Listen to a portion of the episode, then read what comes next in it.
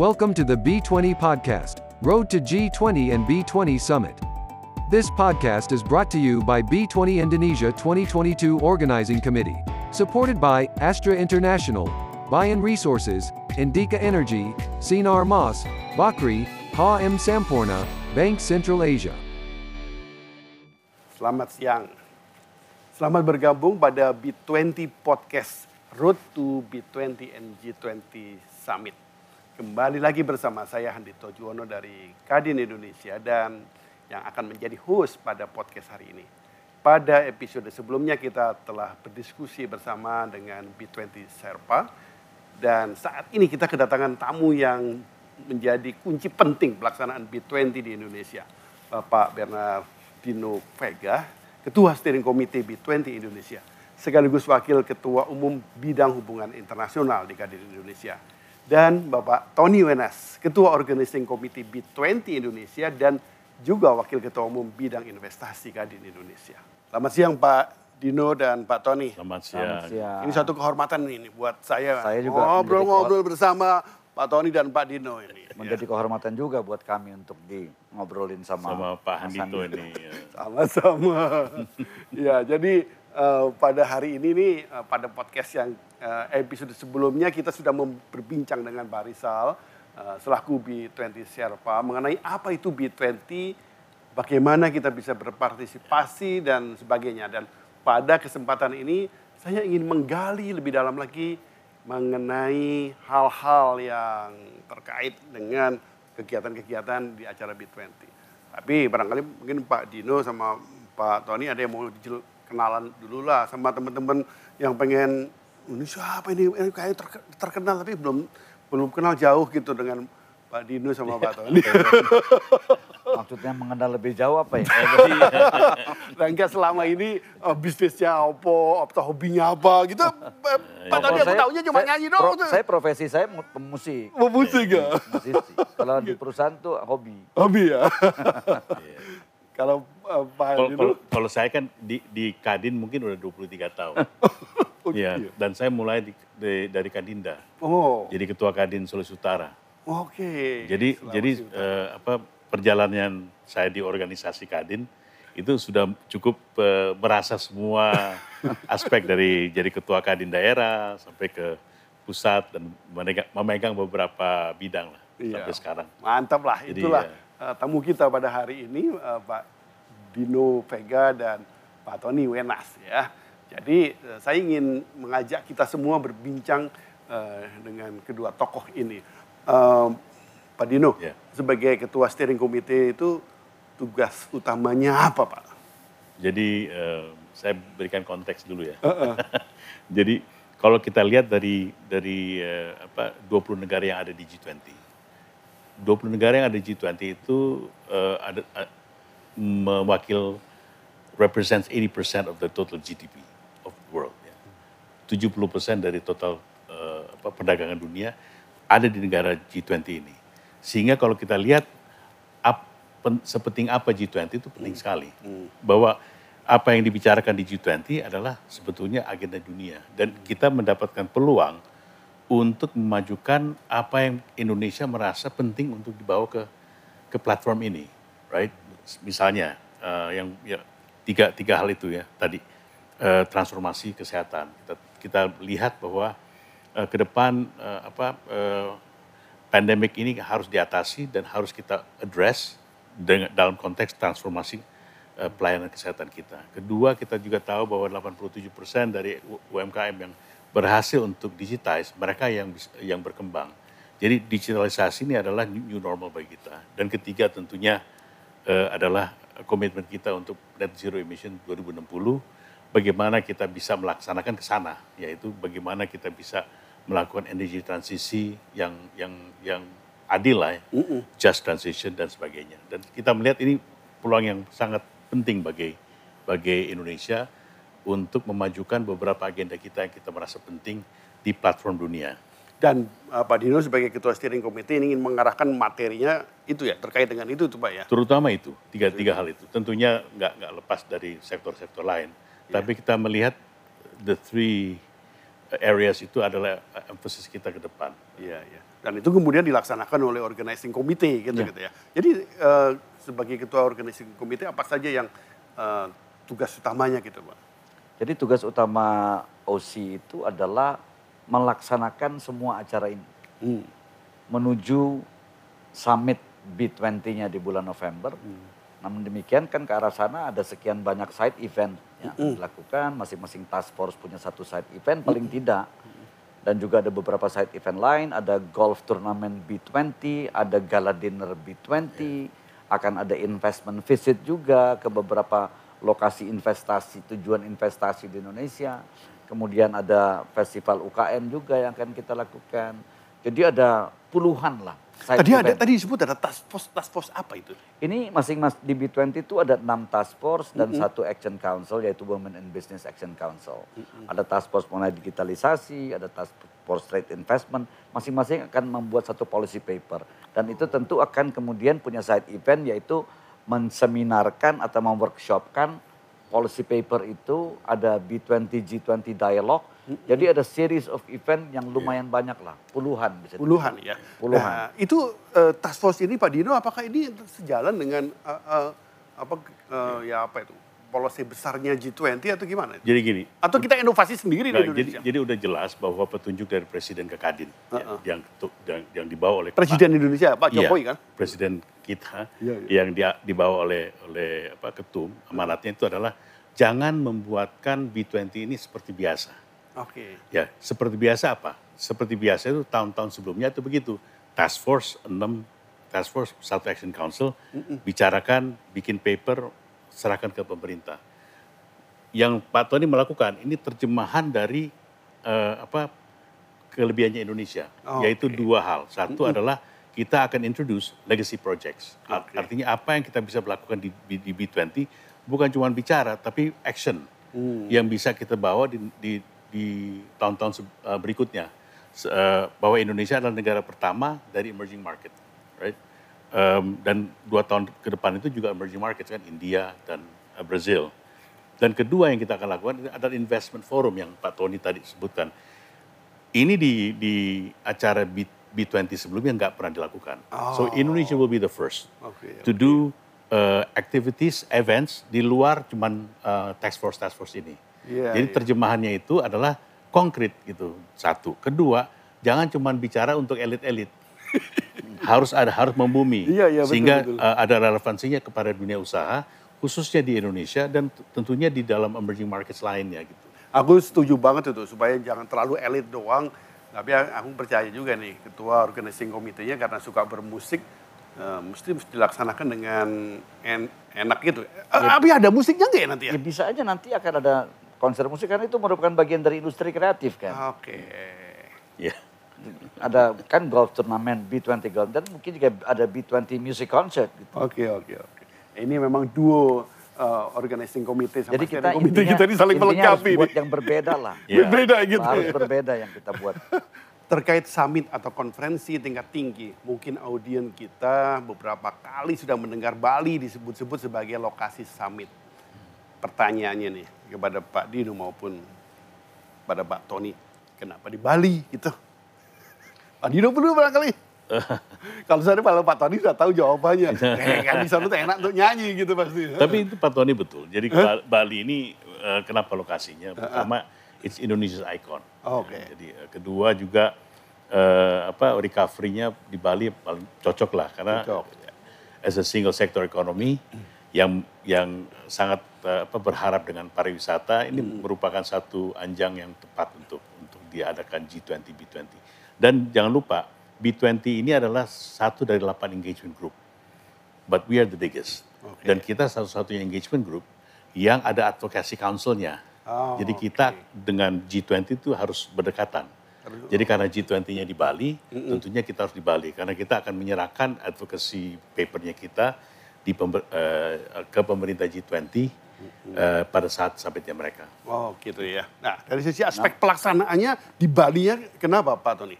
Ya, kalau dari sisi aspek pelaksanaannya memang memang perlu diadakan di Bali karena tadi G20-nya juga di Bali tanggal Ya. 15 16. Heeh. Dan pada saat B20 summit-nya itu beberapa kepala negara G20 juga akan jadi pembicara di situ. Oh, Sehingga oke. kalau diadakan di kota lain tentu akan sangat menyulitkan Iya, iya, iya. dari segi timing.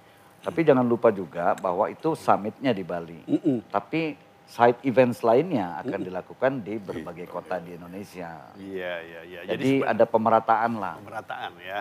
Ya, jadi memang eh, G20 di- dipusatkan di Bali tapi tadi ada banyak set event yang ada di berbagai kota ya. Kemudian eh, Pak Dino dan eh, Pak Tony banyak juga yang penasaran nih apa yang membedakan presidensi tahun ini dengan tahun-tahun sebelumnya. Tahun ini Indonesia sebagai eh, presidensinya eh, G20. Gimana Pak Dino?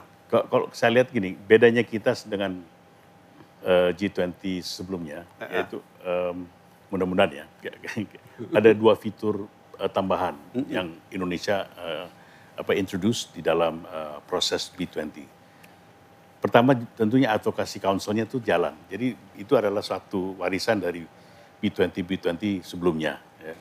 Tapi yang kita tambahkan ada dua hal. Satu adalah legacy projects. Kita akan uh, in- introduce kepada apa negara B- B20 atau teman-teman kita di B20 adalah beberapa proyek yang yang bisa kita kita lanjutkan di tahun-tahun uh, selanjutnya. Jadi bukan cuma satu uh, ke sana bicara selesai tapi continue. Sehingga tahun depan, tahun depannya lagi proyek itu akan terus bergulir. Jadi itu yang disebut legacy projects. Kedua ini adalah em, supaya memastikan bahwa ada benefitnya kepada eh, dunia usaha. Oke. Kita juga diminta untuk ke mengumpulkan investasi. Sehingga eh, harapan kita nanti di dalam salah satu acaranya Tony em, ada yang disebut investment s- investment summit ya, investment eh, summit yang di mana semua eh, kerja kerja kita, advokasi kita bisa ha- hasilkan investasi baik ke Indonesia maupun juga ke negara B20 lainnya, di mana ini menjadikan suatu hasil konkret. hasil Itu tadi ada advokasi, advocacy council itu apa dan apa tugasnya itu Pak Dino? Jadi eh, di dalam tujuh task force ini Heeh. ada eh, suatu apa white paper, apa, studi atau satu temuan atau satu eh, apa a- advokasi lah ya, yang bisa dimajukan di pemerintah. Misalnya eh, seperti eh, climate change, eh, apa yang kita akan majukan eh, adalah eh, misalnya energy transition. Energy transition seperti apa sih yang kita Oke. harapkan? Iya, di iya. situ di di uh, white papernya itu ada uh, di- Oh. disebut di situ. Nah, Pak Tony punya side events itu sebetulnya mengamplifikasi kepentingannya kita Iya. di dalam konteks energy transition itu misalnya. Ya, ya. Apa Pak Tony itu tadi bentuknya itu apa itu yang yang yang yang Jadi tadi side event Dino? kita adalah bisa seminars atau workshop. Ah, Ya kalau sekarang ini eh, masih sebagian besar masih online, tapi kan nantinya akan hybrid dan kemudian akan offline. Offline, Kita yakin oke. sekali itu akan terjadi. Dan eh, seminar, workshop dan ada podcasting seperti ini, kemudian ada juga business matching. Jadi kita akan list down semua project yang ada di Indonesia dan kita akan list down semua potensi investor dari luar dan juga potensi local partner dari Indonesia. Ini akan kita lakukan business matching. oke. Tadi menyambung yang Pak Dino sampaikan tadi, ini akan kemudian mengamplifikasi program-program atau proyek-proyek supaya bisa lebih cepat realisir, investornya datang dan everybody happy. Iya, iya, iya. Nah, yang seperti itu dulu-dulu cuma meeting-meeting doang barangkali. Iya. Gitu Ya, jadi kita lebih konkret lah, karena ini kan yang ditugasi Kadin ya. Kadin kan kacamata berpikirnya adalah kacamata pengusaha gitu Iya. ya. Iya, iya. Kacamata pengusaha ya bagaimana supaya ini terjadi transaksinya, bukan Iya. hanya sekedar eh, gunting pita atau seremonial saja. Iya, dan dan jangan lupa Pak itu Pak, yang Pak Tony undang kan kalau pemerintah undang G20. Heeh. Jadi cuma negara 20 itu. Oke. Tapi kalau B20 bukan cuma negara dari B20 itu. Oh, boleh yang lain? Kita juga iya. Iya. Jadi Oh. sebetulnya ini satu uh, celebration dari Indonesia untuk Oke. mengundang investor bukan cuma di G20-nya, Oke. tapi di luar G20. Ini yang Pak Tony uh, lakukan sekarang ini. Saya Oh, tambahkan contoh ya, Heeh. kita bekerja sama sama KBRI di Singapura. Heeh. Kita Iya. akan mengadakan saya salah satu side eventnya adalah investment summit di Singapura. Di Singapura. Padahal Singapura kan bukan negara G20. Oh, itu nanti setelah acaranya G20 atau sebelumnya? Sebelumnya, bahkan Sebelumnya bulan, ya? bulan Juni sudah itu menjadi salah satu side event Road to B20 Summit. Oh. Itu kan kita akan adakan di Singapura, tentu saja pengusaha-pengusaha yang datang adalah pengusaha Singapura, walaupun Iya, iya. juga mereka sebenarnya mewakili beneficiary ownernya yang dari Eropa, dari Jepang dan lain sebagainya. Iya, iya, iya. Tapi salah satunya yang menarik tadi termasuk acara podcast ini biasanya nggak ada ya. Ini kan bagian dari kampanye. Bagian dari kampanye. Oke, jadi eh, set eventnya ini menarik sekali ya eh, Pak Tony. Eh, tadi Anda sudah menjelaskan tentang eh, banyak sekali eh, set event yang akan dilakukan. Barangkali mungkin ada satu dua hal yang yang perlu di stressing gitu tentang set eventnya. Eh, paling nggak supaya eh, publik yang mau ikutan termasuk orang-orang Indonesia nih nggak hanya orang luar negeri kan? Iya, yang jadi- yang boleh diikuti yang mana itu ya? Jadi saya bilang tadi, itu ada antara lain yang kita mau lakukan adalah festival UKM. Oh, UMKM. festival UKM. Ya, festival UMKM ini pada saat di minggu B20 Summit-nya tentu ada di situ. Oke. Akan ada exhibition, festival UKM. Tapi sebelumnya pun akan kita lakukan di beberapa kota. Oh. Di beberapa kota di Indonesia, misalnya mungkin Solo, kenapa kenapa Solo atau mungkin di Surabaya dan lain sebagainya. Itu kan kita lakukan beberapa side event mengenai UMKM. Tujuannya adalah supaya ini bukan tadi Pak Dino bilang bukan cuma elit-elit pebisnis aja yang kemudian Iya, merasakan iya, iya, B20 tapi pengusaha-pengusaha kecil ini juga bisa ikut Iya. merasakan B20 ini. Iya, iya, Dan tentu di situ kita akan juga promote untuk bisnis matchingnya. Iya, iya. Jadi bagaimana si UMKM ini kemudian bisa ekspor ke Eropa dan lain sebagainya. Itu yang UMKM-nya kan nggak hanya yang senior-senior, kan yang muda-muda boleh kan? Oh iya, tentu saja ini kan the, the new the, the startups akan akan banyak sekali yang involved. Ya. Iya. Dan di samping itu juga ada side event ya ada mengenai olahraga juga ada salah satu rencana kerjasama kita untuk mengadakan event olahraga sepeda Oh, dan juga lari Oke. road to B20 gitu. Jadi Di, ma- akan di mana itu nanti? Ya, akan Di berbagai mungkin kota di Bali tadi? juga atau di, di kota lainnya, tapi sedang kita bicarakan. Ada juga rencana untuk mengadakan semacam konser musik Road to B20. Ini kan bagian dari industri kreatif ya. Iya, Iya. iya, iya, iya. iya. Jadi uh, akan beraneka ragam lah istilahnya. Iya, iya. Jadi bukan hanya workshop, seminar aja, workshop, seminar, workshop, seminar, tapi it's more concrete. Nah ini kalau begitu ini menarik nih. Tapi kontennya apa ya? Pak Dino apa yang nanti secara materi akan di set event itu yang perlu disampaikan? Apalagi tadi saya tertarik juga tuh ada yang ngajakin UKM, apalagi anak-anak muda. Ini saya lagi ngurusin anak-anak muda untuk menjadi pebisnis, apalagi yang orientasinya global gitu. Apa yang mau nanti akan bisa di- dibahas di sana, Pak? Ya, harapan kita tuh ada tiga hal. Pertama adalah bagaimana kita bisa sikapi dunia yang yang, yang berubah ini, ya kan Eh, pergeseran-pergeseran dari pasca COVID dan juga tentunya eh, apa eh, geopolitik yang yang sekarang terjadi di Eropa Timur. How do we address this, right? Oke. Jadi ini yang yang yang mudah-mudahan sari-sarinya kita bisa dapat dari dari beberapa be- beberapa rangkaian acara di B20. Kedua harapan kita ini adalah kita lebih konkret untuk melihat apa sih yang kita perlu prioritaskan dulu. Memang banyak yang kita banyak PR kita, tapi beberapa yang kita merasa penting untuk kita fokus.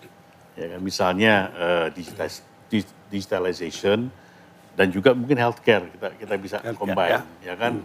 Seperti di- kita ketahui bahwa sekarang ini ya healthcare ini kan di- bisa diaplikasikan. Iya. Kan ada Halodoc dan sebagainya. Iya, iya. Maksudnya bisa bikin aplikasi digitalnya ya. Right. And, and, and, and, dan ketiga tentunya eh, apa kita berharap bahwa apa energy transition dan juga industri-industri yang yang apa labor intensif bisa kita apa eh, promosikan di dalam eh, apa event-event B20.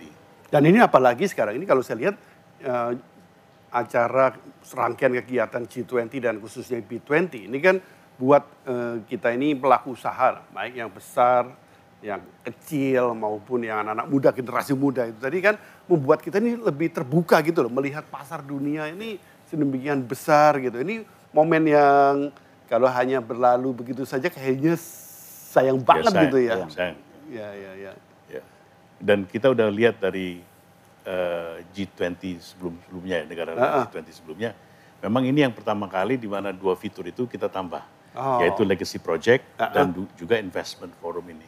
Gitu ya. Apalagi nanti Pak Tony punya ide untuk untuk eh, site visit, Nah, ah. Itu kan di da- di acara G20 di negara-negara sebelumnya belum ada. Belum ada ya? Belum ada Mungkin di kita, negara apa, lain kita dia mau visitnya bingung visitnya ke mana. Kalau kita Indonesia segini-gininya soalnya ya. Iya. Ya kita tentuin nanti ya Pak Tony ya. Kira-kira lima atau tujuh lokasi yang kita merasa berpotensi kita tawarkan. Iya, iya, iya. Dan itu betul-betul proyek yang sudah betul-betul siap untuk, untuk ditawarkan. Maksudnya ready to be promoted gitu. Iya, iya, iya. Jadi proyeknya itu maksudnya bukan proyeknya satu perusahaan tapi satu kawasan gitu Ya, lah ya. satu kawasan lah. Oke, oke, oke. Contoh lah misalnya, oh pembangkit listrik tenaga air. Wah, itu kan ada beberapa daerah, yang kapasitasnya bisa 5000 megawatt Iya, iya, iya, iya. Iya. Wah, ini kalau begini atau proyek karbon misalnya. eh, karbon. Something like that. Iya. Ya. iya. Ya, biasanya pemanfaatan ini ya, pemanfaatan Pemanfaatan hutan, untuk Hutan. di carbon investment lah, Iya, carbon iya. trade. Untuk carbon trade ya. Iya. Kalau yang urusan dengan ekspor impor gitu, perdagangan Ya internasional. juga. Tapi kan kalau ekspor impor kan kita nggak perlu ada site visit pak. Apa yang mau dilihat itu kan? Ini trading is basically Iya, you can do it. iya. Tapi kan bisa Behind menggerakkan itu loh, menggerakkan yang dari daerah itu loh maksudnya. Oh, iya. Animonya iya ya. Ternyata kalau gua lihat orang-orang ini sebenarnya dia butuh barang ini. Nanti kapan kapan kapan. Nah itu itu Ah, bagian eh. dari dari business matching tadi. Ah, itu bagian business dari matching. Jadi bahwa ini akan ada permintaan sekian banyak, Iya, ada iya. supply nggak dari sini. Kita akan identifikasi dan kita matchingkan. Iya. Tapi dari sisi negara-negara G20 ini, Pak Dino, Iya. apakah mereka ini diharapkan ke depan masih tetap besar nggak sih sebenarnya? Apa diganti oleh yang baru-baru? Katanya sekarang ini negara-negara baru sudah emerging mau jadi ini ini. Maksudnya ini secara potensi bisnisnya For for the foreseeable future ya. Iya, Kalau iya. kita lihat enggak, ya, G20 kan 80% dari GDP dunia ada di G20. Enggak, saya nggak belum melihat ada perubahan sedrastis itu. paling-paling tuker-tuker tempat aja lah ya, Ah, iya, itu posisinya betul, gitu betul. ya. Sudah. Yang kita juga eh, perlu perlu juga perhatikan di B20 ini, ini akan pertama kali kita akan introduce teknologi metaverse. Oh, Metaverse technology. Wow, Jadi keren. misalnya misalnya ya Ah. presentasi proyek, proyek misalnya di IKN. Ah, ah. Itu di dalam satu proyek animasinya tuh lebih lebih lebih hidup nantinya. oke. Eh, muna- kita berencana untuk ke apa me- menampilkan teknologi metaverse di di, di B20 ini. And ini da- ini dimiliki oleh putra putri Indonesia ya. Ini bukan ter- teknologi yang kita impor, Iya, tapi yang dibuat di, platform yang dibuat di Indonesia sendiri. Iya, ya. Nah, kalau udah niatnya seperti itu, aku yakin ini Pak Tony sebagai ketua organizing committee yang memang hobi yang begituan. emang emang doyannya begitu ya, Bos? Tapi intinya adalah terlepas dari doyan apa enggak, intinya adalah we have to do something different lah. Iya. Iya, Presidensi Indonesia ini. Pak Tony ya, sebenarnya apa sih sebenarnya pasca B20 ini yang diharapkan nanti akan eh, terjadi atau dilakukan gitu? Kalau dari sisi Kadin point of view, Iya. baik divisinya Pak Dino maupun divisi saya adalah supaya investasi lebih banyak lagi masuk ke Indonesia. Oh, Ini saat yang tepat. Pada saat ekonomi Indonesia diperkirakan ada growth di atas 5 persen. Heeh. Dan juga kemudian eh, apa makroekonomi lainnya di Indonesia yang menunjukkan yang positif ya. Ekspor 230 miliar, surplus perdagangan 35 miliar tahun lalu gitu kan. Ini momentum yang tepat. Momentum, bagi- ya, Kan investor ngeliat, wah ini ekonomi Indonesia bagus. Iya, Healthcare iya. manajemennya juga ternyata bagus. Dan ini is the right time for them to invest in Indonesia. Dan kita Iya. harus menyiapkan infrastrukturnya agar supaya investor tuh, oh iya benar ya. Iya, iya, iya. Bahasa Jawanya ini tumbuh oleh tutup nih. Momennya pas gitu, kita akan dapat kesempatan promosi, kita gelar ajang-ajang yang mendorong investasi masuk gitu kan. Eh, luar biasa ya. Kalau dari sisi hubungan internasional, apa Pak eh, Dino, yang kira-kira ke depannya ini, apa yang pasti ini sudah kita udah tiba-tiba jadi jadi ini ya, jadi pusat perhatian dunia gitu. Ya, Nanti jadi depan, jadi ini ini ini ad- ada julukan bahwa Indonesia is the the largest invisible country in the world. Nggak banyak yang tahu mengenai Indonesia. Kalau dilihat dalam konteks Iya, eh, apa eh, geopolitik ya. Ini kita mau rubah. Oh, iya. Karena bukan cuma tuan, tuan, rumah G20 tahun ini, tahun depan kan kita juga tuan rumah ASEAN. Oh right? iya. iya. Dan nggak lepas kemungkinan kita akan bawa agenda ini di ASEAN tahun depan. Dan di ASEAN ya kita regional power. Iya, right? iya, Uh, so so so so I think this is a, dua tahun berturut-turut lah Indonesia akan akan menjadi uh, anjang di dalam dal- dalam kan, pa- apa panggung panggung bukan panggung dunia lah. Uh, tahun ini G20, tahun depan ASEAN. Baik, terima kasih Pak Dino dan Pak Tony atas waktu yang sudah disediakan dan informasi yang sudah Bapak-Bapak berikan kepada pendengar kita hari ini. Dan buat para pendengar podcast kita, cari tahu lebih lanjut tentang B20 Indonesia dari situs web kami di www.b20indonesia2022.org dan temukan episode kami yang lain di mana kami akan berbicara secara mendalam tentang prioritas B20 Indonesia dengan para eksekutif terkemuka dari perusahaan dan institusi global terkemuka. Sampai jumpa pada episode selanjutnya dan tetap bersama kami di B20 Podcast Road to B20 and G20 Summit. Thank you Mbak Dino dan Thank Pak you. Tony. Thank you. you